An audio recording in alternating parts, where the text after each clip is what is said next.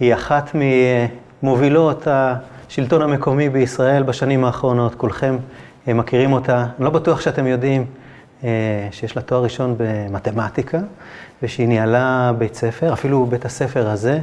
אנחנו נדבר היום עם דוקטור עליזה בלוך, ראש עיריית בית שמש. פתיח ומתחילים.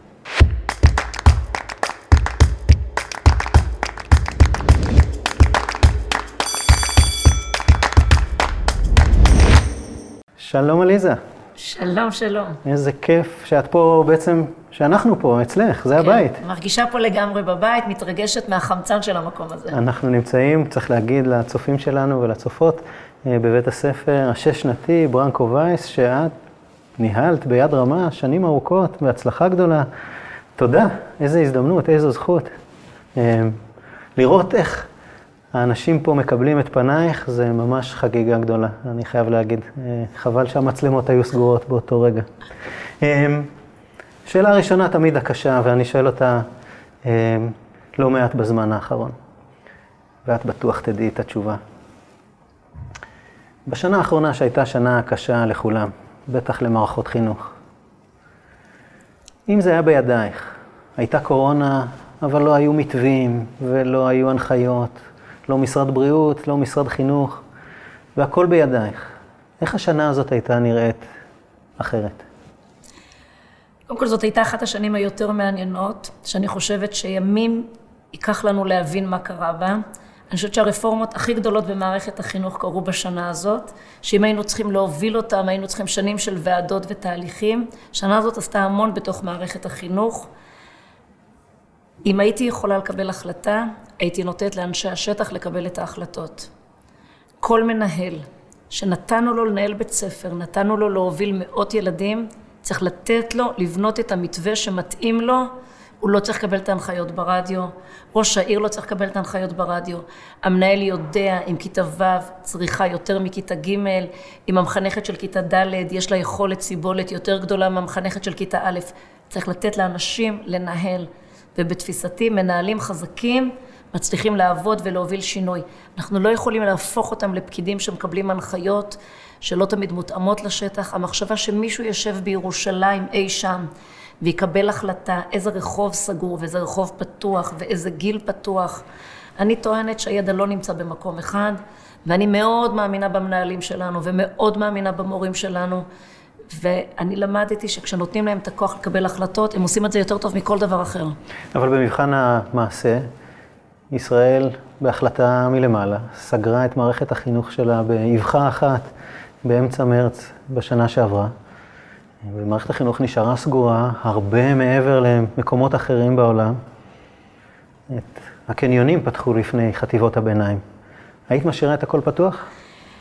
אז אני אגיד בצניעות שאני אף פעם לא רוצה להגיד מה אני הייתי אם, כי כל אחד מאיתנו נמצא בצומת מסוימת של החיים ושם הוא צריך לקבל את ההחלטות. אז אני רוצה ללמד את כולנו לא להיכנס לעמדת שיפוט, אם אני הייתי המנהל, אם הייתי ראש העיר, אם הייתי ראש הממשלה, מה הייתי מחליט. זה, זאת ההחלטה שהתקבלה ואיתה הלכנו. בתפיסתי העמוקה, האתגר היותר גדול של תקופת הקורונה זה העולם החברתי והעולם הכלכלי, הרבה לפני הסיפור הרפואי. סיפור הרפואי היה ברור שנשתלט עליו עוד חודשיים או פחות חודשיים של חיסון. אני חושבת שהערך החברתי והחינוכי הוא מחיר שייקח לנו כמה שנים להתמודד איתם. אנחנו שברנו המון מוסכמות שהילדים גדלו עליהם, שההורים גדלו עליהם. אנחנו לימדנו את הילדים שלקום כל בוקר לבית ספר זה הדבר הכי חשוב בעולם, ופתאום אמרנו להם שזה לא חשוב. לימדנו את הילדים שבית כנסת זה חשוב, ופתאום זה לא נורא, לא קרה שום דבר. לימדנו את הילדים כל השנים של לחבק את סבא וסבתא ולהיות איתם, זה הדבר הכי חשוב, ופתאום אמרנו להם להפך, אפילו עדיף שלא. לימדנו את המורים לעשות ביקורי בתים, ללוות את הילדים, להיות איתם, ופתאום אמרנו למורים, תשמרו מרחק. יש המון תהליכים שאנחנו אה, צריכים להבין מה המשמעויות שלהם. אני לא לחוצה מהפסדי החומר, שכולם היו לחוצים איך הם ישלימו. זה למדנו שאפשר לעשות. משהו בתחושת החוסן של הילדים שלנו, ההבנה שכשקשה לי ואני לבד, המבוגרים היו איתי או לא היו איתי, מי היה שם בשבילי, מה רמת הביטחון העצמי שנתנו לי, איזה כלים היו לי להיות עם עצמי. מה קרה בתוך המשפחה בבית, היו המון ילדים באותה נקודת זמן, ההורים פתאום נאלצו להיות המון שעות עם הילדים שלהם בלי שהם ידעו מה עושים עם זה, המורה היה צריך לקחת אחריות ולמצוא קשר עין עם ילד דרך הזום. בחלק מבתי הספר אצלי שיעורים התנהלו במרחב קולי, שזה בעצם שיחת ועידה עם 40 תלמידים. שזה אירוע מטורף בלי לראות את האנשים, בלי לשמוע אותם, כשבמקביל המורה נותנת שיחת ועידה כשיש לה עוד חמישה ילדים פרטיים שלה בבית, אה, דור שלם של ילדים, שאמרנו להם לא לבוא לבית ספר כי זה מקום מסוכן, אבל הפארק היה פתוח והפארק לא היה מסוכן. והם ישבו בפארקים עד אמצע הלילה, רובם לא למדו מתמטיקה עד אמצע הלילה, לא. תסלח לי, בסדר? כן. שאני מגלה את האמת.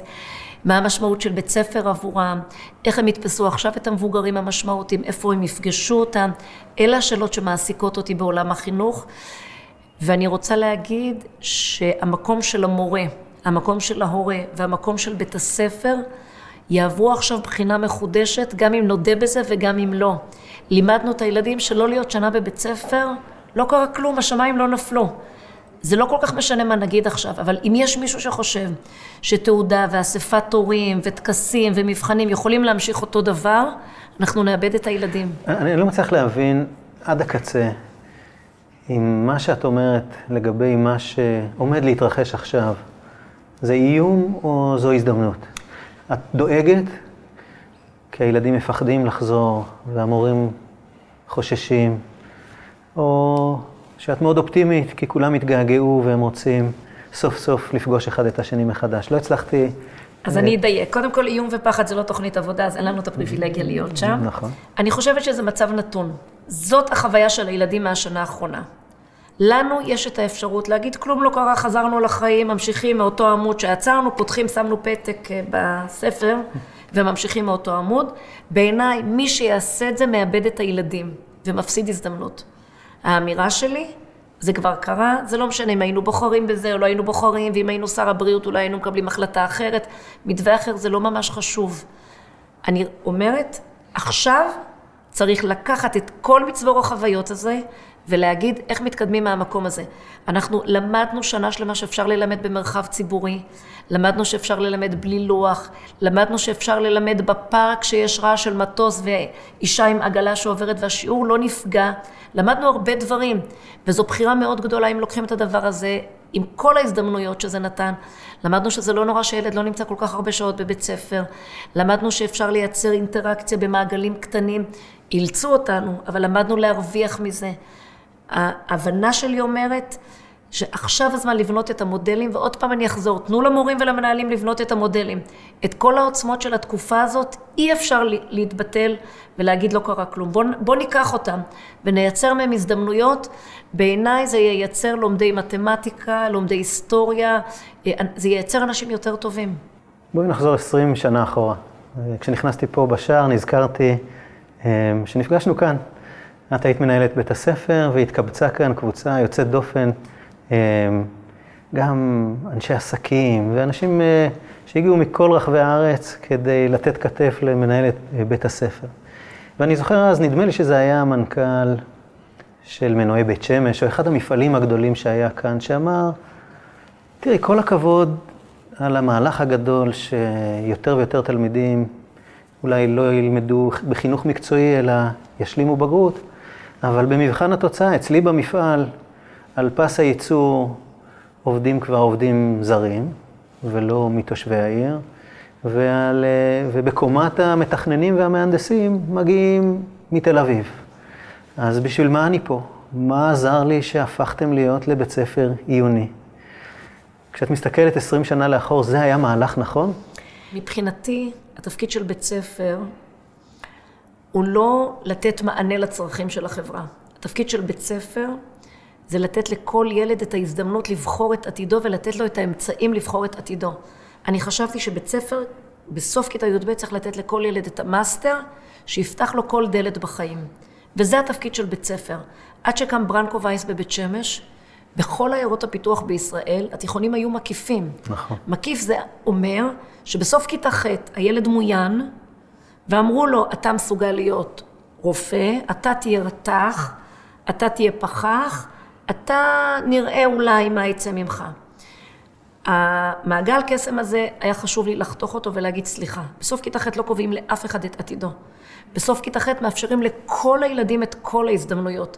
ולא חשוב לי אם הילד היה עד לפני יומיים רועה צאן באתיופיה, או אבא שלו רופא בהדסה. זה לא ממש חשוב לי. התפקיד שלי כמערכת חינוך היה לתת לכל ילד את מקסימום האפשרויות כדי שהילד הזה יצליח. וכשהוא יסיים את י"ב, שהוא יבחר את עתידו. אם הוא רוצה להיות פחח, שהוא יהיה הפחח הכי טוב בעולם. ואם הוא יחליט להיות רופא, שיהיה לו את הכלים לעשות את זה. התפיסה שאומרת, בוא ניתן ולא כולם יכולים, אני תמיד אמרתי, שזה יתחיל ברעננה, יתחיל בכפר סבא, נראה אתכם חכמים שם. בבית שמש אני רוצה לתת לכל ילד את ההזדמנות האופטימלית, ומבחינתי ההבנה שלכל ילד תהיה תעודת בגרות, ואתה הזכרת את זה שאני מורה למתמטיקה בהוויה שלי, אז אני לא באמת חושבת שמי שיודע לחפוף משולשים או לגזור פונקציה הוא בן אדם יותר טוב. אבל מכיוון שאני יודעת שהיום החברה מודדת אותו על פי זה, אז אני רוצה שלכל ילד תהיה את ההזדמנות לדעת את זה, ואחר כך שיבחר מה שהוא רוצה לעשות. אני זוכר כמה שנים לאחר מכן, אה, כשחיפשנו את בתי הספר שעושים את זה, שמצליחים למרות אה, תנאי פתיחה מורכבים. ואתגרים אה, להגיע לרמות מצוינות מאוד גבוהות, ומאוד מהר בית הספר הזה אה, זוהה על ידי הרשות הארצית למדידה והערכה ועל ידי אבני ראשה כאחד מבתי הספר, ואני זוכר שבאו לכאן צוותי צילום וחוקרים כדי לנסות להבין את סוד ההצלחה, כדי שאולי אחרים אה, יוכלו ללכת בדרך שלכם. כשאת מסתכלת לאחור ומנסה לשים את האצבע, כי אם מסתכלים עלינו מנהלות ומנהלי בתי ספר, ורוצים גם. אה, איך הופכים בית ספר להיות בית ספר כל כך מצטיין? הסיפור הגדול בעיניי יושב על שני אה, עמודים מאוד מרכזיים. אחד, ההבנה שכל מה שמתרחש בבית ספר הוא סיפור שלם. והתפקיד שלנו זה לספר את הסיפור. אם יש מישהו שחושב שכשאתה בונה מערך ש... טוב לשיעור מתמטיקה או לשיעור אנגלית זה בית ספר טוב בעיניי, זה החלק הכי קטן של האירוע.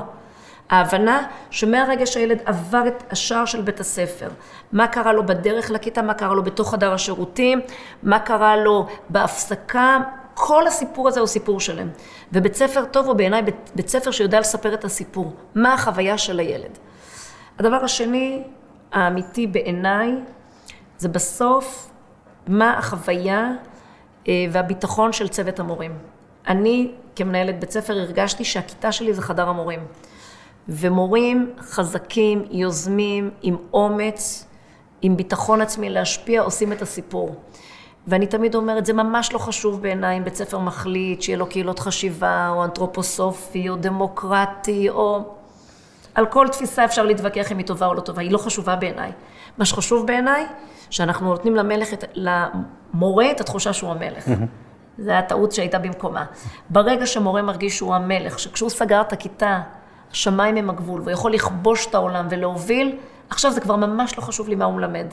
ואני חושבת שככל שנגדל יותר אנשי חינוך, שמרגישים שיש להם את הביטחון להשפיע על המציאות, שיש להם את הכוח להשפיע על המציאות, שהם לא מפחדים משום דבר, אז גם תהיה להם את המוטיבציה להשפיע, לתכנן, להוביל, ואז מבחינתי, שילמדו מוזיקה, שילמדו מתמטיקה, שיעשו ריקודי עם, זה כבר לא חשוב.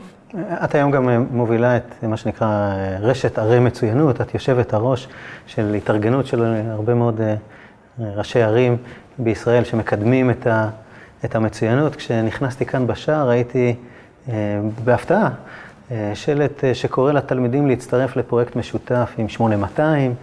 אני זוכר שלפני 20 שנה דיברת על החלום הזה שמבית הספר הזה יגיעו, יגיעו תלמידים.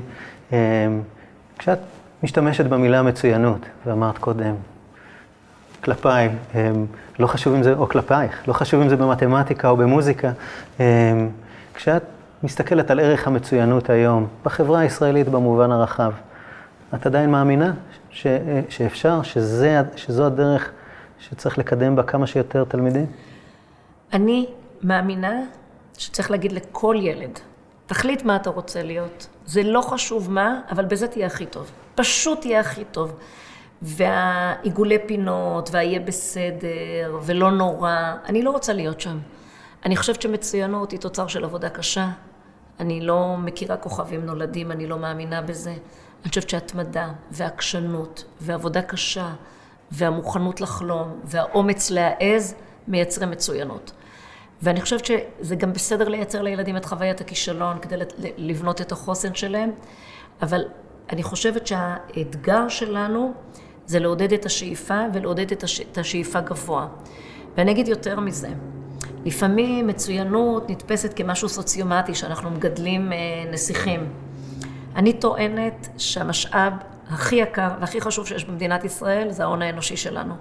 אין לנו מחצבים, יש, אין לנו יש שום קצת, דבר. אה, גז טבעי. וקצת כן. גז טבעי ונפט שאנחנו רבים מי. יקבל עליו את התמלוגים, לא נשאר לנו הרבה. נכון. הדבר המרכזי שיש לנו זה כוח אדם מצוין. ולכן אני חושבת שלפתח אנשים מצוינים זו ציונות אמיתית.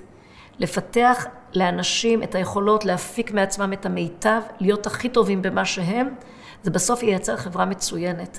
אני לא פוחדת מאנשים שיגידו לי שהם סוציומטיים. תהיה הכי טוב במה שאתה עושה, זה אומר שתהיה רופא מצוין, זה אומר שתהיה פחח מצוין, זה אומר שתהיה אימא מצוינת, זה, זה אומר שתהיה רב נהדר, זה מה שאני צריכה. שכל אחד מאיתנו יעשה את הכי טוב את מה שהוא יכול.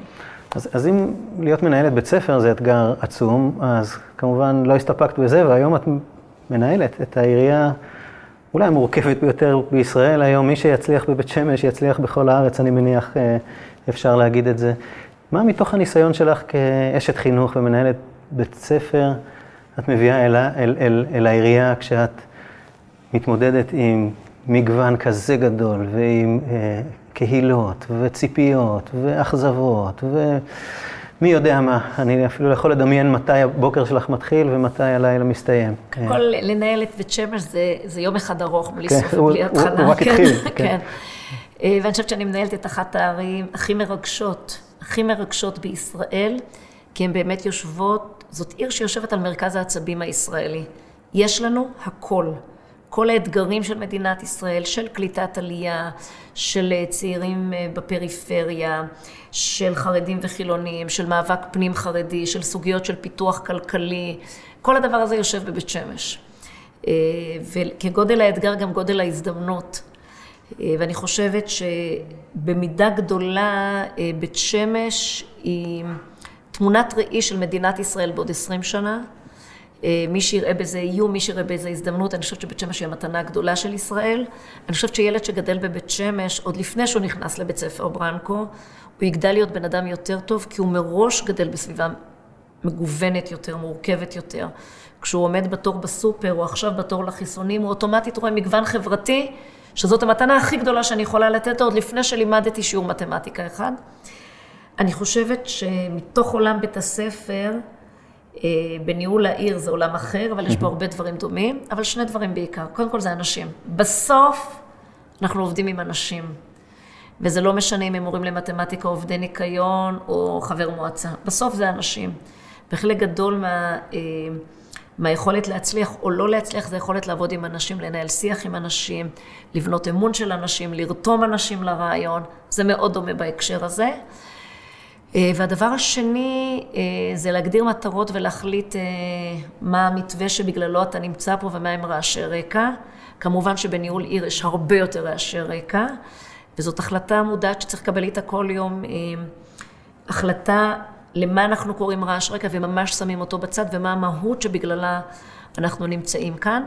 ואני חושבת שכל הרעיון של לקבוע כיוון ולכוון את כל הוקטורים אליו, בסוף זה הסיפור של בית שמש, זה הסיפור של ניהול עיר, וזה הסיפור שלנו ביכולת לייצר פה חברה יותר טובה. עליזה, אני חייב להגיד לך שאומנם את עובדת מאוד מאוד קשה, אז קשה לך לראות, אבל הרבה מאוד אנשי חינוך מסתכלים עלייך בהערכה גדולה. נדיר היום עדיין שאשת חינוך לוקחת על עצמה משימה להוביל מערכת ציבורית כל כך גדולה. הרבה מאוד מסתכלים ורואים בך דוגמה ומופת למה. למנהיגות שמדינת ישראל צריכה, מנהיגות נשית וחינוכית משמעותית. תודה גדולה שהיית איתנו ושהזמנת אותנו להתארח אצלכם. באמת, כל הכבוד, זאת זכות גדולה עבורנו. אז תודה גדולה, ומי שמרגיש שהוא עדיין טוב, צריך ללכת להיות מורה. יפה מאוד. תודה רבה לכולכם, ניפגש בפרקים הבאים של ריסטארט.